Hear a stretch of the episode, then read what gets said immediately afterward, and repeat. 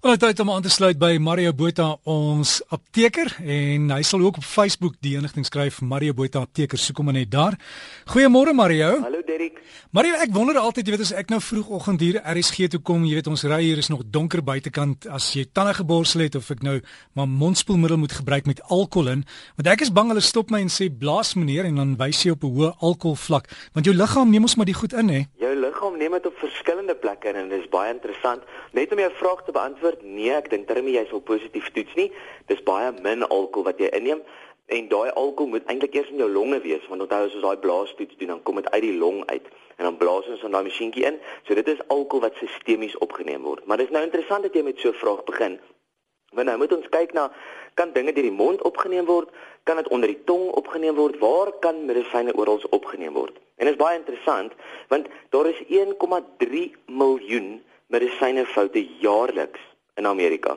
Dit is nogal groot en ons jammer ons noem dit nou in Amerika en nie in Suid-Afrika nie, maar daar is nog nie in Suid-Afrika hierdie tipe telling gedoen. Maar 1,3 miljoen medisyne foute. 16% van daardie foute is as gevolg van die verkeerdelike gebruik daarvan. Dit wil sê die verkeerde roete van toediening. So, dit kom ons kyk gou na verskillende roetes en hoe dit werk. Nou, verskillende roetes kan insluit of iets lokaal moet werk op een plek en of dit sistemies opgeneem moet word deur die hele liggaam. So, nou moet ons kyk na algemene roetes wat ons ken en wat gewoonlik in die apteek voorkom en dan kry mens goed soos die orale roete. Dit wat ons gewoonlik maar ken. Dit is wanneer 'n tablet gesluk word. Maar nou moet jy jouself afvra, moet my tablet nie dalk gekou word nie? Of moet hy nie dalk gesuig word nie? Baie interessant. Dan kry ons sublinguaal, baie groot woord vir dit plaas ons onder die tong. En hoekom onder die tong? Want daar's baie fyn bloedvaatjies en dit word baie maklik en vinnig opgeneem wanneer dit onder die tong is. Dit gaan ook dan nou nie deur die lewer nie. So baie keer as ons 'n tablet drink of elke keer wat ons 'n tablet drink en hy gaan in ons maag in, gaan hy dun darm toe en uit die dun darm uit word hy opgeneem, dan gaan hy deur die lewer en dan praat ons van die eerste deurgangseffek. En baie middels word hier aktief gemaak. Maar baie middels het daai aktivisasie as ek dit nou amper so kan sê, nie nodig nie. So daarom kan ons dit op ander roetes gebruik en dan sit ons dit onder ons tong en dit word dan nie deur die lewer gegaan nie. Dan kry jy ook goed soos direktale roete. Mamas weet baie keer daar buite wat ons vir babetjies gebruik om koors te breek en kleuters. Dit is baie keer die wonderlikste manier om dit te doen want baie keer is hulle magies al geïrriteerd met al die middels wat hulle moet inneem. So rektaal wanneer ons setpil het gebruik. Hier moet ek sê, pas op dat jy baie keer nie 'n setpil te diep indruk nie. Daar is fyn bloedvaatjies in die rektum, maar aan die onderpunt. Wanneer jy dit te diep in die buis opdruk, dan kan dit nie meer maklik opgeneem word nie. So kyk maar daar daarna. Maar dan interessant, rektaal kan ook werk vir sistemies wat ons dan nou sien vir koors, maar ook vir lokale gebruik. So ons kan 'n enema gebruik byvoorbeeld vir hartlywigheid. Dan vir die dames het ons 'n vaginale roete waarby ons rome of gelle kan aanwend vir gewoonlik estrogenopnames en dan ook pestillus. Pestillus is maar net 'n ander woord vir 'n vaginale tablet. Dan het ons baie algemene roete wat ons almal ken en dis die nasale roete. Nasale roetes kan gebruik word vir lokale werking of sistemiese werking. Dis wonderlik. Hier sien ons nou dis omtrent die 4de plek waar iets gebruik word vir 'n lokale werking of 'n sistemiese werking. Dan het ons die oë. Die oog gebruik ons vir om dit buite die oog aan te sit partykeer of binne in die oog met 'n druppeltjie, maar nou nie heeltemal binne in die bal van die oog nie. So net die gewone maniere wat ons van ken met 'n salf of met 'n druppeltjie. En dan kry ons dinge waarvoor die meeste van ons doodbang is en dit is inspuitings.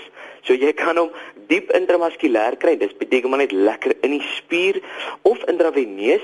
Dis baie keer moet 'n dokter dit gee en ek wil regtig hier ek sal nou-nou 'n storie vertel van 'n baie gevaarlike ding wat gebeur het, maar maak seker dat 'n dokter of 'n verpleegster of 'n suster hierdie roete van toediening vir jou gee.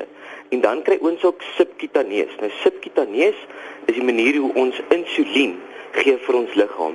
En dit is daardie plek waar ons met 'n middel dan nou by ons maagvelletjies kom en ons steek daai inspuiting naald in ons maagvelletjies in. Ons diabetes pasiënte is baie baie goed al hiermee. Dan het ons topikale aanwending, dan gebruik ons rome of salwe en baie keer ons plakkers.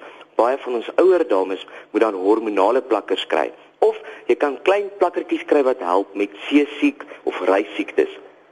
En dan het ons goed soos inhalasie wat help vir lokaal of sistemies en dan hier moet ek net sê as dit in die as dit ingeasem moet word en dit bevat 'n kortison maak seker dat jy jou mond uitspoel want dit kan sproei in die mond veroorsaak en wanneer ons nie ons mond uitspoel met water nie dan vernietig hierdie kortison ons vriendelike bakterieë in ons mond en dan kry ons iets soos sproei in die mond. So Derek, hier is nou regtig nog 'n paar roetes van toediening en hoe jy medisyne vir jou liggaam kan gee.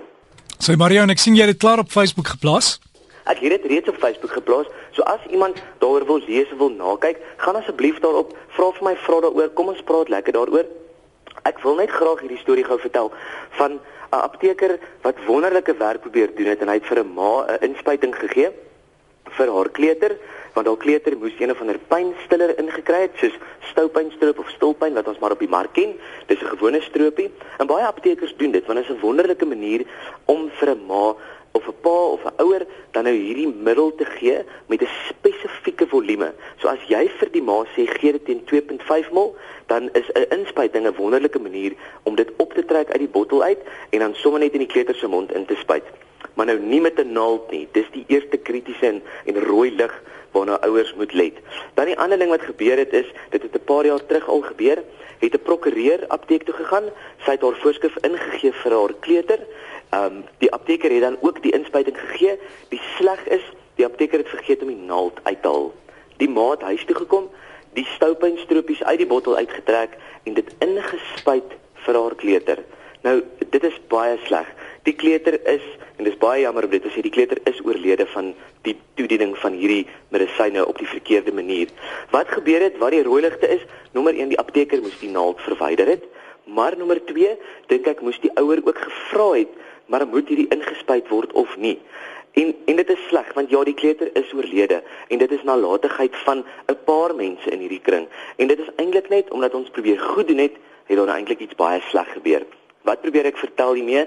Wanneer jy 'n middel kry om te gebruik, vra hoe dit gebruik moet word. Moet dit gekou word, gesuig word, ingespuit word, gesluk word, moet dit rektaal gebruik word. En die snaakse storie is altyd van die oom wat in die apteek inkom en sê, "Maar hy het hierdie groot pil nou in 'n paar happe gesny want hy's te groot om te sluk."